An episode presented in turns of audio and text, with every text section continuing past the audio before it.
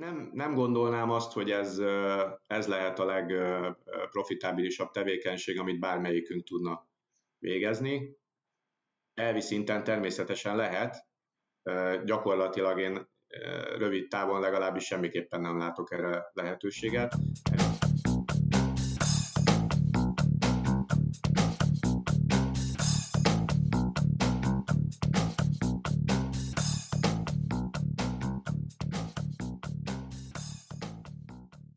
Sziasztok, ez itt az Itzer, a 24.hu focis podcastja, én Kele János vagyok, és ezúttal is itt van velem az éteren keresztül Kálnokik és Attila, a 24.hu főmunkatársa. Szervusz! Szervusz Jani, köszöntöm a hallgatókat! Mai adásunkban pedig egy MB2-es futballklubbal fogunk foglalkozni, de egy olyan MB2-es futballklubbal, amely eddig a tevékenység alapján lényegében meghatározó szereplője a nyári transferpiacnak, az átigazolási piacon és a hírekben is rendszeresen szerepel, és ha az ember nem figyelne oda és nem követné közelről a magyar futballt, akkor egészen biztosan úgy gondolhatná, vagy úgy gondolná, hogy az NB1-ben szerepel jelenleg a Vasas, amelynek a kisebbségi tulajdonosát és a sportigazgatóját, Nagy Miklóst köszöntöm az adásban. Szervusz! Szervusztok, üdvözlök mindenkit! Szervusz Miklós!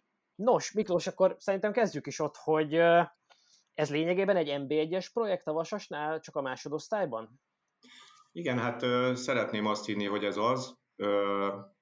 Ez egy, inkább úgy mondanám, hogy ez talán egy hosszú távú projekt, aminek része az, hogy minél előbb az NB1-ben folytatódhasson, és hát sok egyéb összetevője van amellett, hogy nyilván a, a szurkolókat az érdekli leginkább, hogy minél előbb az NB1-ben folytathassuk ezt a, a projektet, vagy ezt a versenyzést, nem is tudom, hogy, hogy mi a helyes kifejezés erre. Szeretnénk feljutni az NB1-be, de, de önmagában nem ez a, az egyetlen célunk.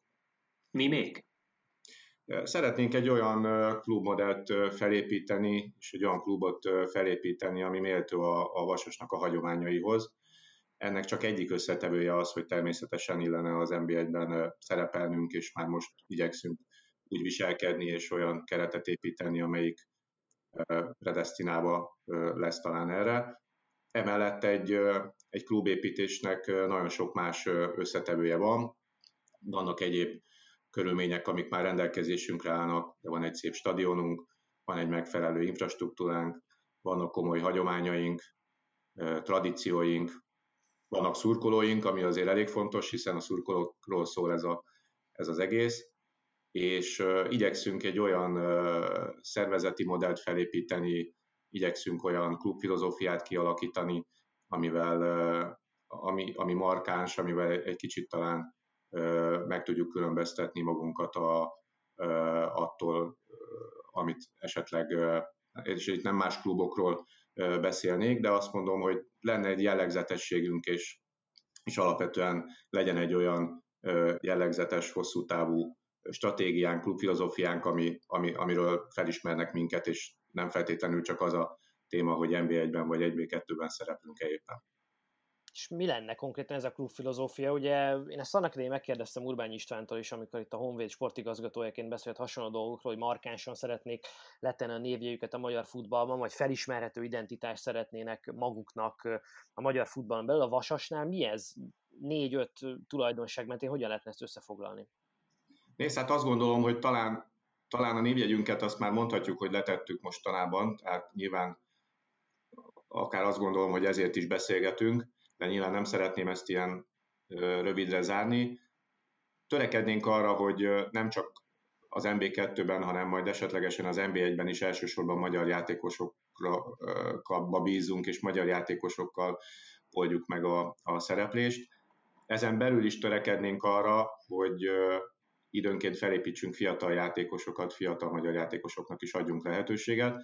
Természetesen ez, ez nem jelentheti kizárólag azt, hogy U20-as csapattal szeretnénk szerepelni, hiszen az igazolásaink között is vannak idősebbek és fiatalabbak vegyesen, de úgy gondoljuk, hogy ez jelen pillanatban nem sok helyen érhető tetten elsősorban, hogyha az NB1-es csapatokat nézzük. Nyilván most mi az NB2-ben szereplünk, de hosszú távon gondolkodva már most kitűztük ezt magunk elé, és úgy építjük a keretet, hogy a, talán a mostani igazolásainkon is látszik az, hogy nem MB2-es játékosokat igazolunk, olyanokat igazoltunk a csapathoz, akik majd NB1-ben is talán megállhatják a helyüket. Én így sorolnék hirtelen egy-két nevet. Újpest, Feszesi Robert, aktuális gólkirály. Nyáron most Radó, szintén aktuális gólkirály. Sie Erik, 22 éves, Fradi nevelés, mezőkövest kivásárolták a Fradiból. Ezek mind NB1-es játékosok, és akkor még nem beszéltem ugye a másik NB1-es játékosról, az újpesti ikorról, az ekte Újpest nevelésről, aki máshol nem is játszott egy évet leszámítva egy lengyelországi kitörőt leszámítva Litauszki Róbert. Mi a véleménye azokról a játékosokról, akik egyébként egy másodosztályú klub kedvéért ott hagyják az első osztályt? És miért hagyják ott? És hát én úgy gondolom, hogy minden egyes játékos egy egyedi eset. És valóban mi most ezzel hívtuk föl magunkra a figyelmet, és talán ugye nem csak most, hiszen ez a, a fecével kezdődött tavaly télen, hogy, hogy olyan játékosokat hoztunk a Vasasba, akik, akik nem MB2-be valók. Na menjünk végig rajtuk, hát nézzük a fecét, hogyha minden játékos más-más és motiváció más-más indok, akkor mi a fecének az indoka? Nyilván ő ugye egy idősebb 34 éves játékos ma már, ugye, vagy 33-34 éves, Nála talán ez még egy érthető dolog is, hogy olyan helyre ment, ahol egyébként számítanak rá, ahol gólokat rúg, ahol egyébként tisztességesen megfizetik az ő tudását. Így van, tehát hogyha a fecét nézzük, nyilván én, én, én, én nem szeretnék ö, ö, őszintétlen lenni, tehát sem elé beszélni, az teljesen egyértelmű, hogy az anyagiak itt mindig szerepet játszanak, és természetes, hogy nála is szerepet játszottak. Nekünk valamilyen szinten kompenzálnunk kell azt, hogy hogy MB2-be játszik az adott játékos, és nem az MB1-ben, de nem ez az egyedüli összetevője véleményem szerint egy ilyen igazolásnak. Mindenképpen nagyon fontos összetevője. Azonban ha, ha csak a, a Fecesiről beszélünk, akkor az ő esetében az Újpest, az, ha jól tudom, akkor fél éves, illetve egy éves hosszabbításokat ajánlott neki. Ilyen alternatívákról tárgyaltak, mi pedig, mi pedig négy éves szerződést ajánlottuk ez egy valamilyen szempontból kompromisszum volt a, a mi klubunk részéről, ez is a csomag része volt, hiszen mi magunk is tudjuk, hogy nem feltétlen biztos az, hogy egy 37 éves játékos ereje teljében van, bár adott esetben a fecénél ez még előfordulhat, és én bízok is benne, hogy ő, hogy ő 37 évesen is használva tud lenni a csapatnak az ő felépítésével, az ő rutinjával és a, a játék tudásával meg a játék stílusával, de mégis ez nyilván nem volt egy kézenfekvő lépés, ez is a csomag része volt, és szerintem nagyon fontos része volt, hiszen ő nála ez egy, ez egy, ez egy meghatározó összetevő volt, és úgy gondolom, hogy a, a fizetése mellett ez is a, a döntését mindenképpen befolyásolta.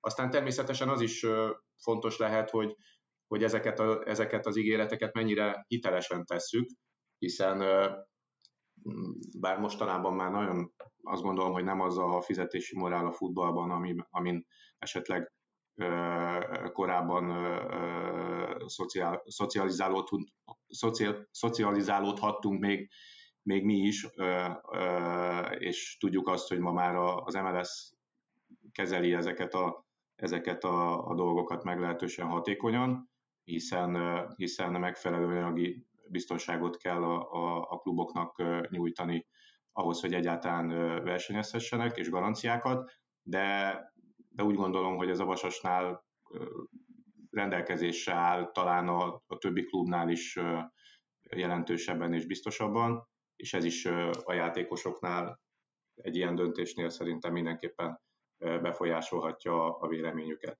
Uh, ahogy mi informálódunk egy játékosról, ugye a játékos is informálódik rólunk, nyilván a játékosok kapcsolatban állnak egymással. Uh, nagyon fontos az, hogy mindig időben megkapják a, a fizetésüket, nagyon fontos az, hogy időben megkapják a prémiumot, hogy amit ígér a klubvezetés, azt, azt, azt betartsa. Ez a stabilitás, ez akár jelen helyzetet is, ha vesszük, vagy hogyha végigmegyünk a többi játékoson majd, akkor szerintem ez, ez is egy olyan tényező lehet, ami a, a fizetési szint mellett meghatározhatja egy játékosnak a döntését. Hát akkor nézzük röviden egy-egy mondatban esetleg a másik három fiatal embert is. Igen. És hát én ugye most azt gondolom, hogy nyilván ugye Radó az, aki a legnagyobbat szólt, és ő a, a, a, az eheti e, igazolásunk és a sláger témája jelen pillanatban a, az átigazolási híreknek. E, nála is egy e, hasonló élethelyzet volt, nem egy villámigazolás, tehát elég régóta tárgyaltunk már vele. Neki lejárt a szerződése Zalaegerszegen, tudom, egy éves szerződést kötöttek vele, szerződés nélkül maradt.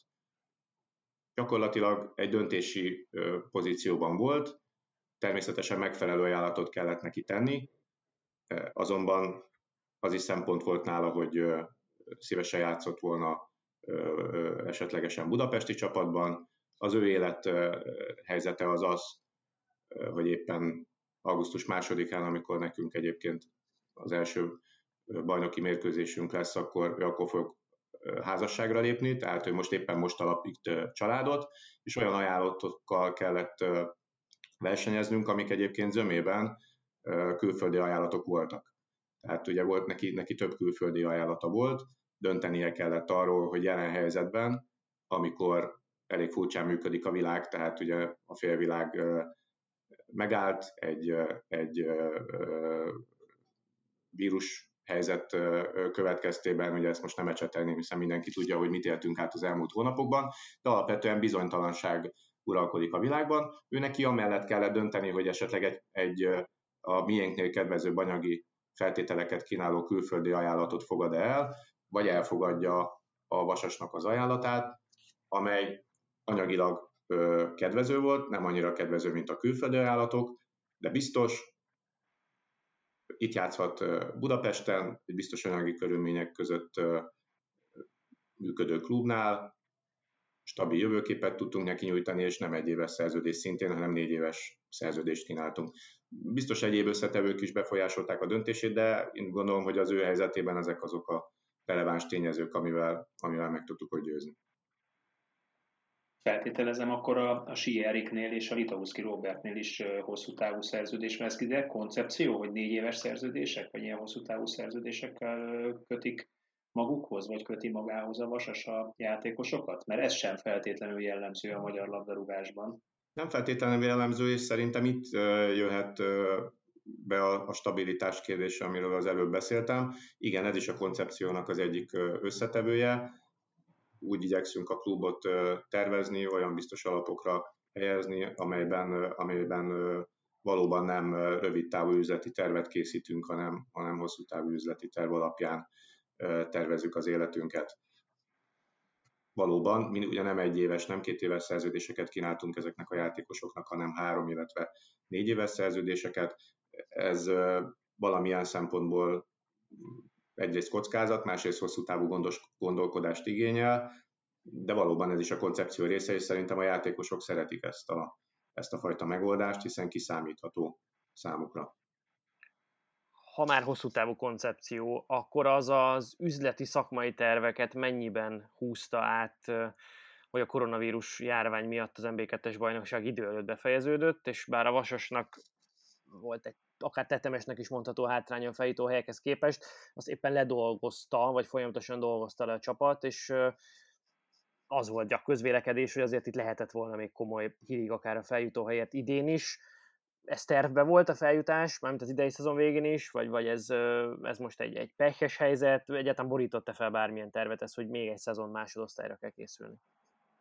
Hát mi két tervet készítettünk, hogyha itt a, a gazdasági üzleti tervünket nézzük, akkor alapvetően készítettünk egy MB1-es és egy MB2-eset. Hát sajnos az MB2-es tervünket kellett előhúznunk, azonban talán a koncepciónknak az is egy meghatározó összetevője, hogy az MB2-ben is igyekszünk olyan feltételeket biztosítani és a játékosokat igazolni, és természetesen olyan üzleti terv mentén dolgozni, ami megelőlegezi a, az NB1-be történő feljutást.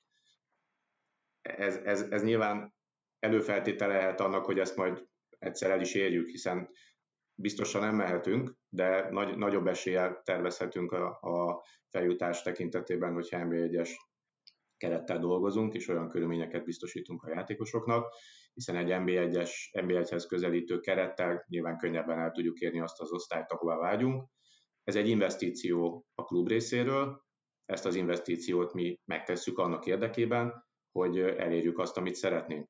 Az MB2 és az MB1 között a finanszírozás tekintetében, tehát a bevételek tekintetében lényeges, nagyon lényeges különbségek vannak. Nyilván ahhoz, hogy elérjük azt, hogy MB1-es bevételeink legyenek, ahhoz előbb oda kell jutni, ahhoz viszont, hogy oda jussunk, ahhoz investálnunk kell. Ez az, amit mi most teszünk. Elég érdekesen hangzik ez a, a, a nevezük koncepciónak, vagy kísérletnek, vagy elképzelésnek. Engem viszont az érdekelne, vagy az a, az a furcsa helyzet, ugye nem tudom, ezt mások tudják, én tudom, hogy ugye Miklós, te az a, a hát szinte azt kell mondjam, hogy egyetlen NB1-es tulajdonos vagy, aki nem átallott az MLS különböző kurzusain tanulni. Sportigazgatói végzettséged van az MLS-nél, ha minden igaz, akkor jól emlékszem, akkor talán menedzserként is, játékos menedzserként is, vagy olyan tanfolyamot is végeztél az MLS ilyen kurzusán. Ezt miért tartod fontosnak ellentétben a többi tulajdonossal? Nézd, én nem, nem feltétlen tulajdonosként közelíteném meg ezt a történetet. Én, én azt gondolom, hogy megfordítanám, tehát én itt, itt sportvezetőként tevékenykedem, és azért azt mondanám, hogy azért van, tehát ott jön be az én tulajdon részemnek a jelentősége, hogy, hiszen, hogy hitelesebb legyek, hiszen a saját pénzemet is kockáztatom. Én ezt nagyon fontosnak tartom. Oké, okay, ne feled, ne feled, ne feled szabad, bocsánat, de először tulajdonosként léptél be, majd Igen. aztán miután lett tulajdonostárs, és miközben tanultál, aközben lett tulajdonostárs, és most már egyébként végzett sportvezetőként is jelen Igen. vagy, és ezért mondhatod azt, hogy én inkább sportvezető vagyok most már, aki a saját pénzét is kockáztatja. Igen, a felnőtt, a felnőtt futballban ott, ott ott ez egy időben történt. Valóban az akadémián, mint, mint tulajdonos léptem be, hiszen ugye a Vasas licenszét adó Vasas Kubala Akadémiának a minősített többségi tulajdonosa vagyok, és, és ugye az akadémiát, amikor átvettem, ott is operatív vezetőként léptem be az akadémia életébe, hiszen ezáltal éreztem biztosítottnak azt, hogy az az investíció, amit, amit meglépek, az, az, az valóban úgy kerül felhasználásra, ahogy én azt elképzelem. Én szeretek a futballban dolgozni, szeretem a futballt, és, és úgy gondolom, hogy ez egy olyan modell lehet, amiben, amiben talán azon túl, hogy hitelesebben tudok tevékenykedni, valóban operatíve ráhatásom van a, a dolgokra, és biztos lehetek abban, hogy, hogy úgy költöm el a, az investíciót, ahogy, ahogy én azt a legjobban szeretném. Úgyhogy ez így történt az akadémián. A felnőtt klubban ez már a koncepció része volt, tehát amikor a tulajdonosváltás megtörtént, akkor ugye az első perctől kezdve az volt a, a mi elképzelésünk, hogy a, az akadémiának és a felnőtt csapatnak a vezetését azt, azt egy kézbe tudjuk, és gyakorlatilag ez megvalósult, ugye hosszú idő után ez megvalósult a Vasasnál, és én nap mint nap érzem annak a, a használt, a, érzem azt, hogy érzem a rációt ebben a konstrukcióban, hiszen lehetséges, hogy ez, én szerintem egyedül ez a, a célra vezető, vagy hogy legalábbis ez célra vezető, abban biztos vagyok. Úgyhogy minden szempontból ezt tartom hm, célra vezető konstrukciónak. Az új koncepcióhoz új edző is dukált ifjabb Bene Ferenc személyében. Ő rám mi alapján esett a választásotok? Bene Ferenc sok szempontból megfelelt a, az elképzeléseinknek, hiszen amit vázoltam, szeretnénk magyar játékosokra, lehetőség szerint fiatal magyar játékosokra is építeni a, a csapatot hosszú távon. Ugye ő szövetségi edző volt, az MLS alkalmazásában állva ismerte a, a fiatal mezőnyt, és ismeri, tudja, hogy mire milyen szinten lehet számítani, ismeri ezeket a játékosokat, és ez nagyon fontos, hogy személyes tapasztalatból vannak neki ismeretei róla, róluk, tehát én úgy gondolom, hogy ez mindenképpen egy, egy, egy fontos összetevője volt a választásunknak. Az ő szakmai felkészültsége az szerintem vitathatatlan. Én magam is több előadásán vettem részt, gyakorlatilag országszerte tartott előadásokat, a periodizáció az egyik kedvenc témája, de ettől függetlenül is a fiatal edzőgenerációnak egy olyan tagja, aki, aki, aki valóban egy korszerű és komoly tudással rendelkezik. Ilyen edzőt szerettünk volna, tehát szerintem a futballunkban látható egy körforgás, edzők tűnnek föl különféle kluboknál, aztán amikor ott megszűnik a megbízatásuk, akkor megjelennek egy másik helyen, és ugyanezek az arcok forognak. Mi szerettünk volna egy, egy talán viszonylag fiatal, de megfelelő szakmai tudással rendelkező edzőt megbízni ezzel a feladattal, aki ismeri a fiatal mezőnyt, ismeri a magyar mezőnyt, így esett a választásunk a Ferencre, és azt mondhatom, hogy eddig nem csalódtunk benne. A napi szakmai munkája során azt a teljesítményt nyújtja, amit ígért és amit elképzeltünk. Neki is hasonló hosszú távú koncepcióban gondolkodtok, Bene Ferenccel is, tehát neki is ilyen hosszú távú szerződése van, vagy a edző azért az egy, hát hogy mondjam, veszélyeztetettebb szakma, mint a játékos, kiváltképp a gólkirályok. Igen, hát ez biztos, hogy az edző az nem egy nyugdíjas állás. Úgyhogy természetesen itt, itt, itt nem kötöttünk ilyen sok éves szerződést, de nyilván ezt rugalmasan fogjuk kezelni. Bele Ferenccel másfél éves szerződést kötöttünk. Természetes, hogy, hogy az edzői munka az, az én úgy gondolom magába hordott az, hogy időnként ez, tehát ez nem egy nyugdíjas állás. Természetes, hogy nem lenne szerintem nagyon célra vezető edzőkkel is négy éves szerződéseket kötni. Hát ha jól dolgozik, akkor ezt meg lehet hosszabbítani. Természetesen mi, mi másfél éves szerződéssel indítottuk a kapcsolatunkat. Na és akkor itt jön képbe az én kérdésem, a jól dolgozásnak a mértékegysége az inkább az eredményesség, vagy inkább az, hogy a játékkép szempontjában van egy erős víziótok, amit szeretnétek látni a Vasastól a pályán, és ezt kell teljesítenie Bene Ferencnek, vagy ennél sokkal fontosabb az, hogy akárhogy is, de ez a csapat feljusson? Hát szerintem ennek az egyvelege nyilván a, a felnőtt futballban a, a, és a Vasas jelenlegi helyzetében természetesen az első számú cél az, hogy, hogy feljusson a csapat, tehát eredményesen kell szerepelni, ez a legfontosabb, és emellett kell építeni egy, egy játékstílust, kell építeni a csapatot, már ennek kell lenni az öltözőbe, alapvetően egy összetett feladata van az edzőnek, de, de a legfontosabb az mindenkor az eredményesség. Ez természetes. Az átigazolások hogyan működnek? Az edző ad le mm, kívánságlistádban nagyon nem szeretem ezt a szót, vagy, vagy a sportigazgatónak a feladatköre az, tehát a te feladatköröd az, hogy, hogy pásztázd a mezőnyt, és aztán a, a, ezeket a találatokat, meg a lehetőségeket egyezteted aztán az edzővel, és közösen döntötök. Mi mindig metszetben gondolkodunk, tehát a sportigazgatónak a feladata klasszikusan az, hogy egyfajta összekötő hidat képezzen az edző és a, a tulajdonos között.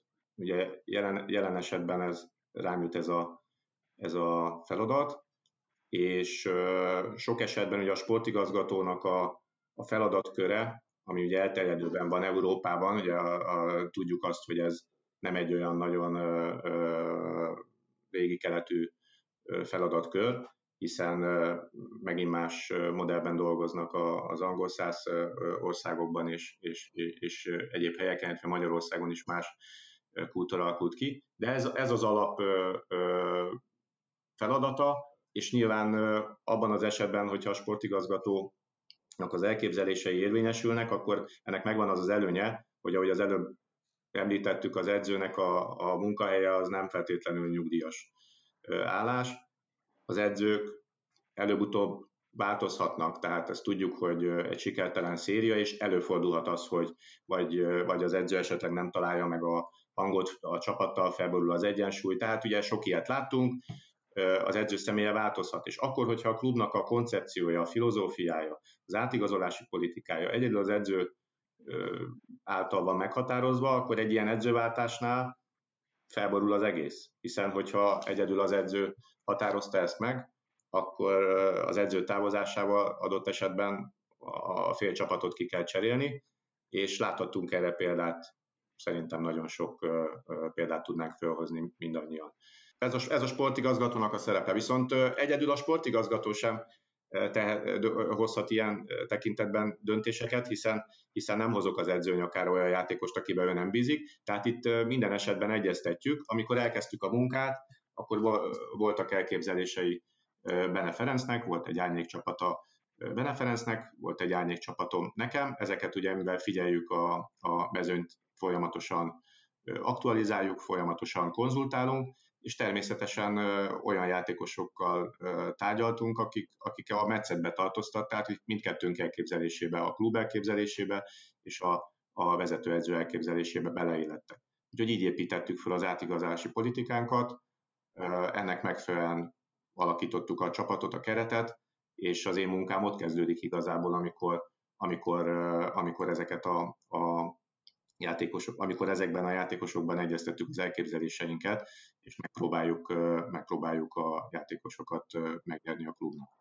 Sportigazgatóként, menedzserként mi alapján döntesz játékosok szempontjából? Használsz-e, ugye azt, azt is el kell mondani, hogy egy, egy 20 éve hogy egy rendkívül sikeres informatikai vállalkozást vezetsz, építettél föl és vezetsz, tulajdonolsz, Használjátok-e a big datát? Milyen szinten használtok statisztikai adatokat játékosokra, szerepekre bontott, vagy meccsekre bontott statisztikákat választásnál? Használjuk ezeket az alkalmazásokat természetesen, tehát én úgy gondolom, hogy ezek, egy, ezek nagyszerű lehetőségek, és bár elsősorban a nemzetközi átigazolásoknál lehet ezeknek a, az alkalmazásoknak, a, illetve különféle programoknak, a adatbázisoknak a funkcióját maradéktalanul kihasználni, de természetesen a belföldi átigazolásoknál is hasznos, hasznosak ezek a, ezek a lehetőségek, hiszen olyan mérkőzéseket is ö, meg tudunk nézni, amelyek, amelyeket nem tudtunk ö, részt venni, gyakorlatilag az összes mérkőzést meg tudjuk nézni és kielemezni különféle paraméterek alapján ezeket a, a, a egyes, egyes játékosoknak a mérkőzésen nyújtott teljesítményét, a lehető legszélesebb elképzelések, paraméterek alapján le lehet szűrni, ki lehet elemezni. Úgyhogy ezek, a, ezek az eszközök, ezek, ezek, ezek nagyon-nagyon jók és, és nagyban segítik a munkánkat. Azt is szokták mondani, amikor, amikor ezeknek az eszközöknek a használatát tanítják, hogy azt mindig hozzá kell tenni, hogy a saját szemednek így. Tehát, tehát ezek, ez egy összetevő, egy nagyon értékes és fontos összetevő, de önmagában, önmagában a, a, a videók és a statisztikák alapján egész biztos, hogy nem szabad igazolni. Föl kell használni ezeket a lehetőségeket, és mellette személyesen is meg kell győződni a, a játékosoknak a teljesítményéről, és a kettőnek a, az egyvelegéből lehet adott esetben döntéseket hozni. Emellett természetesen nem szabad elmenni a szó nélkül az egyéb összetevők mellett sem, hiszen a statisztikák azok, azok a, a játékosoknak csak bizonyos technikai, illetve az adott mérkőzésen nyújtott fizikai paramétereit mutatják. Ezeknél sokkal fontosabbak lehetnek adott esetben a mentális paraméterek, amiket a statisztikák nem mutatnak, ezért kell informálódni a játékosokról, a játékosokkal, magukkal nagyon sokat kommunikálni akkor, amikor ez már jogilag lehetséges, például egy ilyen esetben, mint, mint Radó András, aki ugye szabadon tárgyalhatott már velünk, hiszen hiszen fél évvel a szerződéssel járta előtt a játékos már, már tárgyalhat a másik klubnak a, a képviselőjével. Úgyhogy ezek is olyan, és ezeket is nézzük, meg hát nyilván egyéb információforrások is rendelkezésünkre állnak. Tehát amikor egy játékost kiválasztunk, akkor a, a, a technikai, fizikai paraméterek mellett nagyon nagyban nézzük a, a mentális összetevőket is, illetve azt is, hogy az adott, hogy a mi keretünkbe hogyan fog beleilleszkedni az a játékos. Tehát nem biztos, hogy ö, minden jó játékos illeszkedik az adott keretbe, úgy próbáljuk a keretet összeépíteni, hogy az életkorban, egyéb tulajdonságokban ö, ö, egy, egy egységes egészet képezzen, és Bele Ferenc munkájával pedig csapattal érjen. Várhatunk még a Vasastól nagy dobást ebben az átigazási szezonban? Tehát vannak még egyrészt megszerezhető játékosok a piacon, akikre esetleg nektek is fáj fogatok, illetve vannak-e még hiányposztok a Vasas keretében kezdő csapatában? Hát nagyon jelentős változásokat már nem várhatunk, úgyhogy az is, az is talán egy szempont lehet, hogy nem szeretnénk minden átigazolási szezonban kicserélni a fél csapatot. Én úgy gondolom, hogy olyan igazolásokat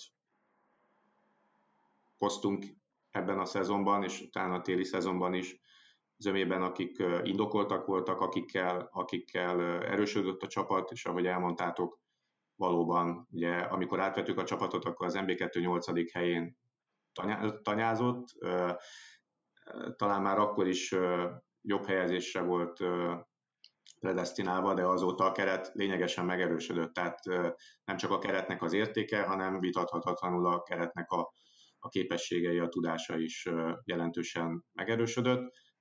Nem biztos, hogy az egy jó taktika, egy jó koncepció lenne, hogyha minden átigazolási szezonban kicserélnénk a fél csapatot. Most is elég jelentős változások történtek, ugye volt némi szűkítés, érkeztek ezek az igazolások, akiket említettetek, nb képességű játékosok, nagyon sokat, tehát már nem feltétlenül szeretnék igazolni. Előfordulhat, hogy egy-két helyen még lesz változás a keretben, de nagyon nagy dobásra, ahogy említetted, és hogy fogalmaztál, arra már nem, nem készülni.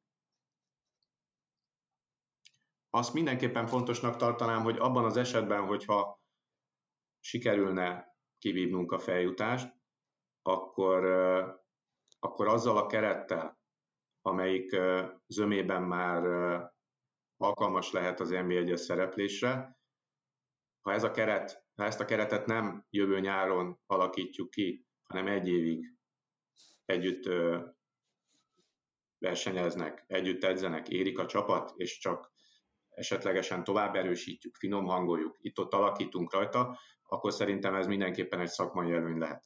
Hogy láthatunk olyan példákat, akik kivívták a feljutást, és kénytelenek voltak a nyáron gyakorlatilag az egyen magasabb osztályú szereplés előtt kicserélni a keretüknek a 80%-át. Én majdnem biztos vagyok benne, hogy ezt ebben az esetben nekünk nem kell megtennünk.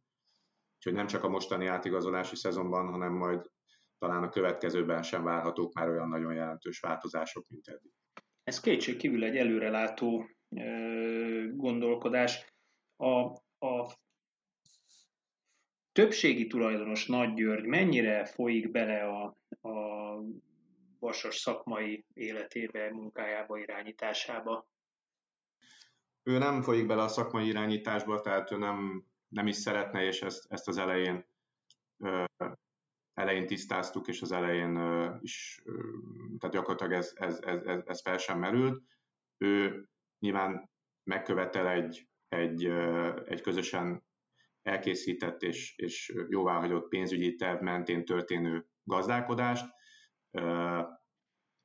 Összehangoljuk a, a, az üzleti tervünket, a filozófiát, a pénzügyi tervet, és amikor ez megszületett, akkor, akkor ő nem szól bele a, a napi működésben, és elsősorban nem a szakmai futball kérdésekben, hiszen ő nem, nem az ő sportága nem a futball, ahogy ezt ő, ő mondani szokta. Igen, Ugye, csúsztat a jégen.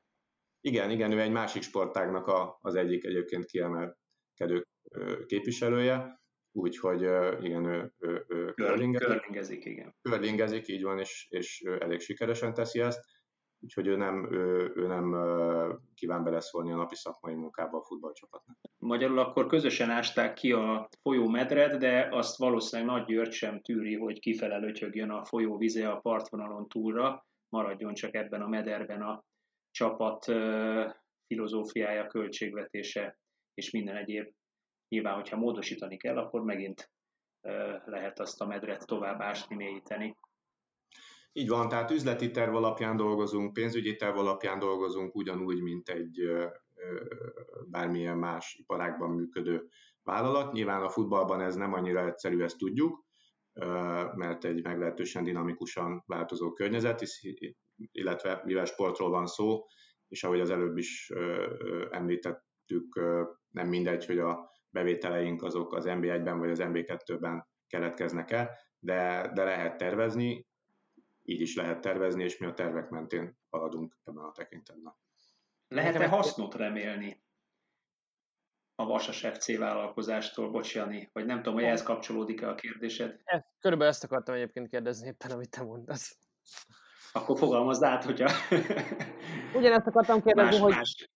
hogy lehet-e rentábilisan futballklubot működtetni ma a másodosztályban, vagy ehhez feltétlenül első osztályúnak kell lenni, vagy még úgysem rentábilis? Erre lennék kíváncsi.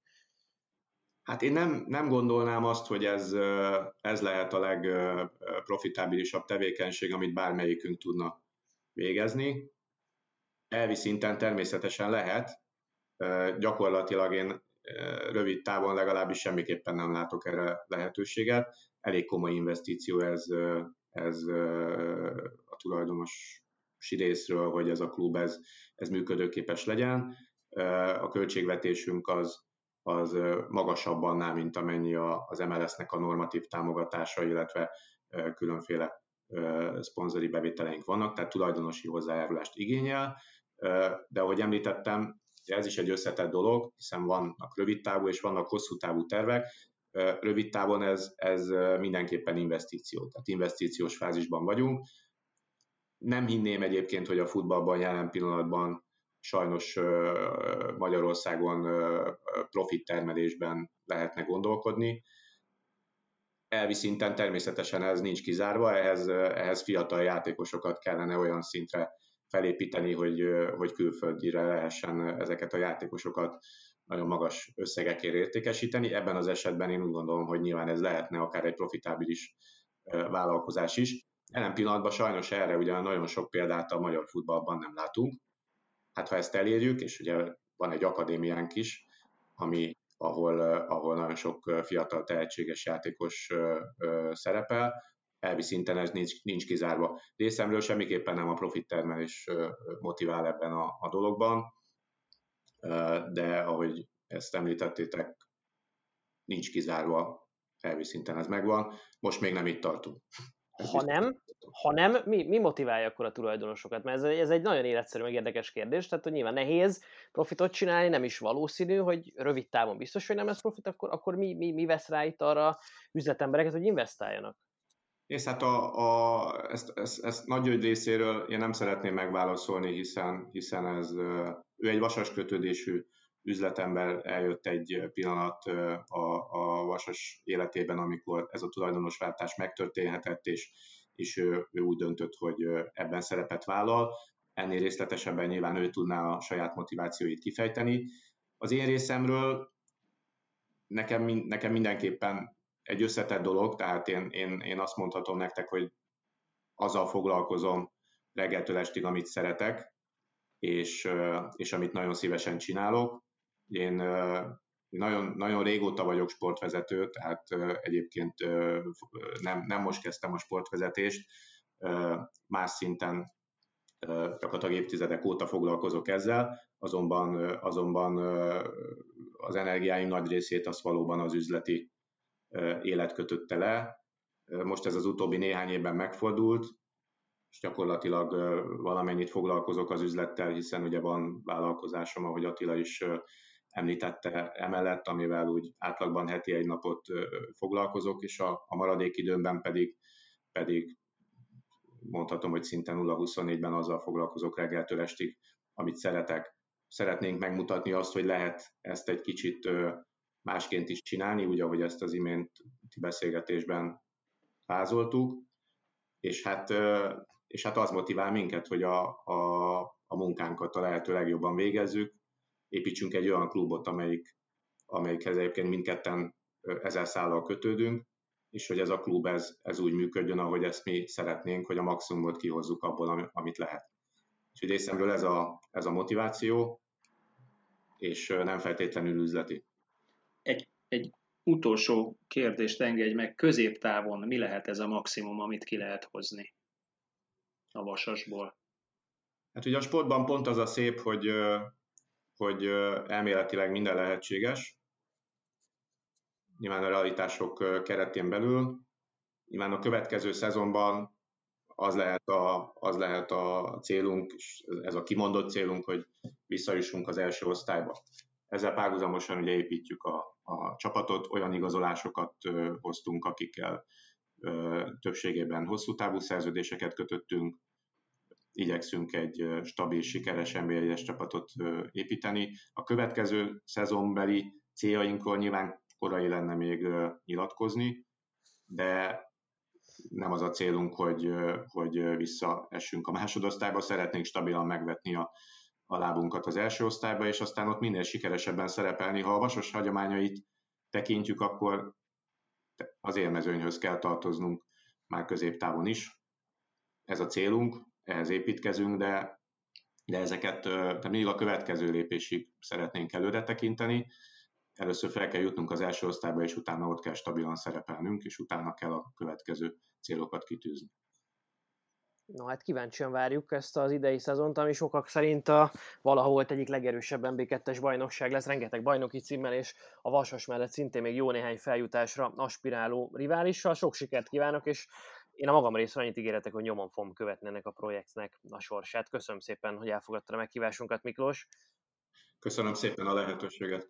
Hasonló jókat kívánok én is nektek és hát tényleg kíváncsian várom, hogy azért ebből a Debrecen, Szombathely, Nyíregyháza, és még mindig van egy-két sötét ló, amelyiknek hirtelen úgy áll össze a kerete, és olyan jó közösséget alkotó kerete van, hogy simán beleszólhat a, a versengésbe. Mi fog kisülni ebből a MB2-es versenyfutásból?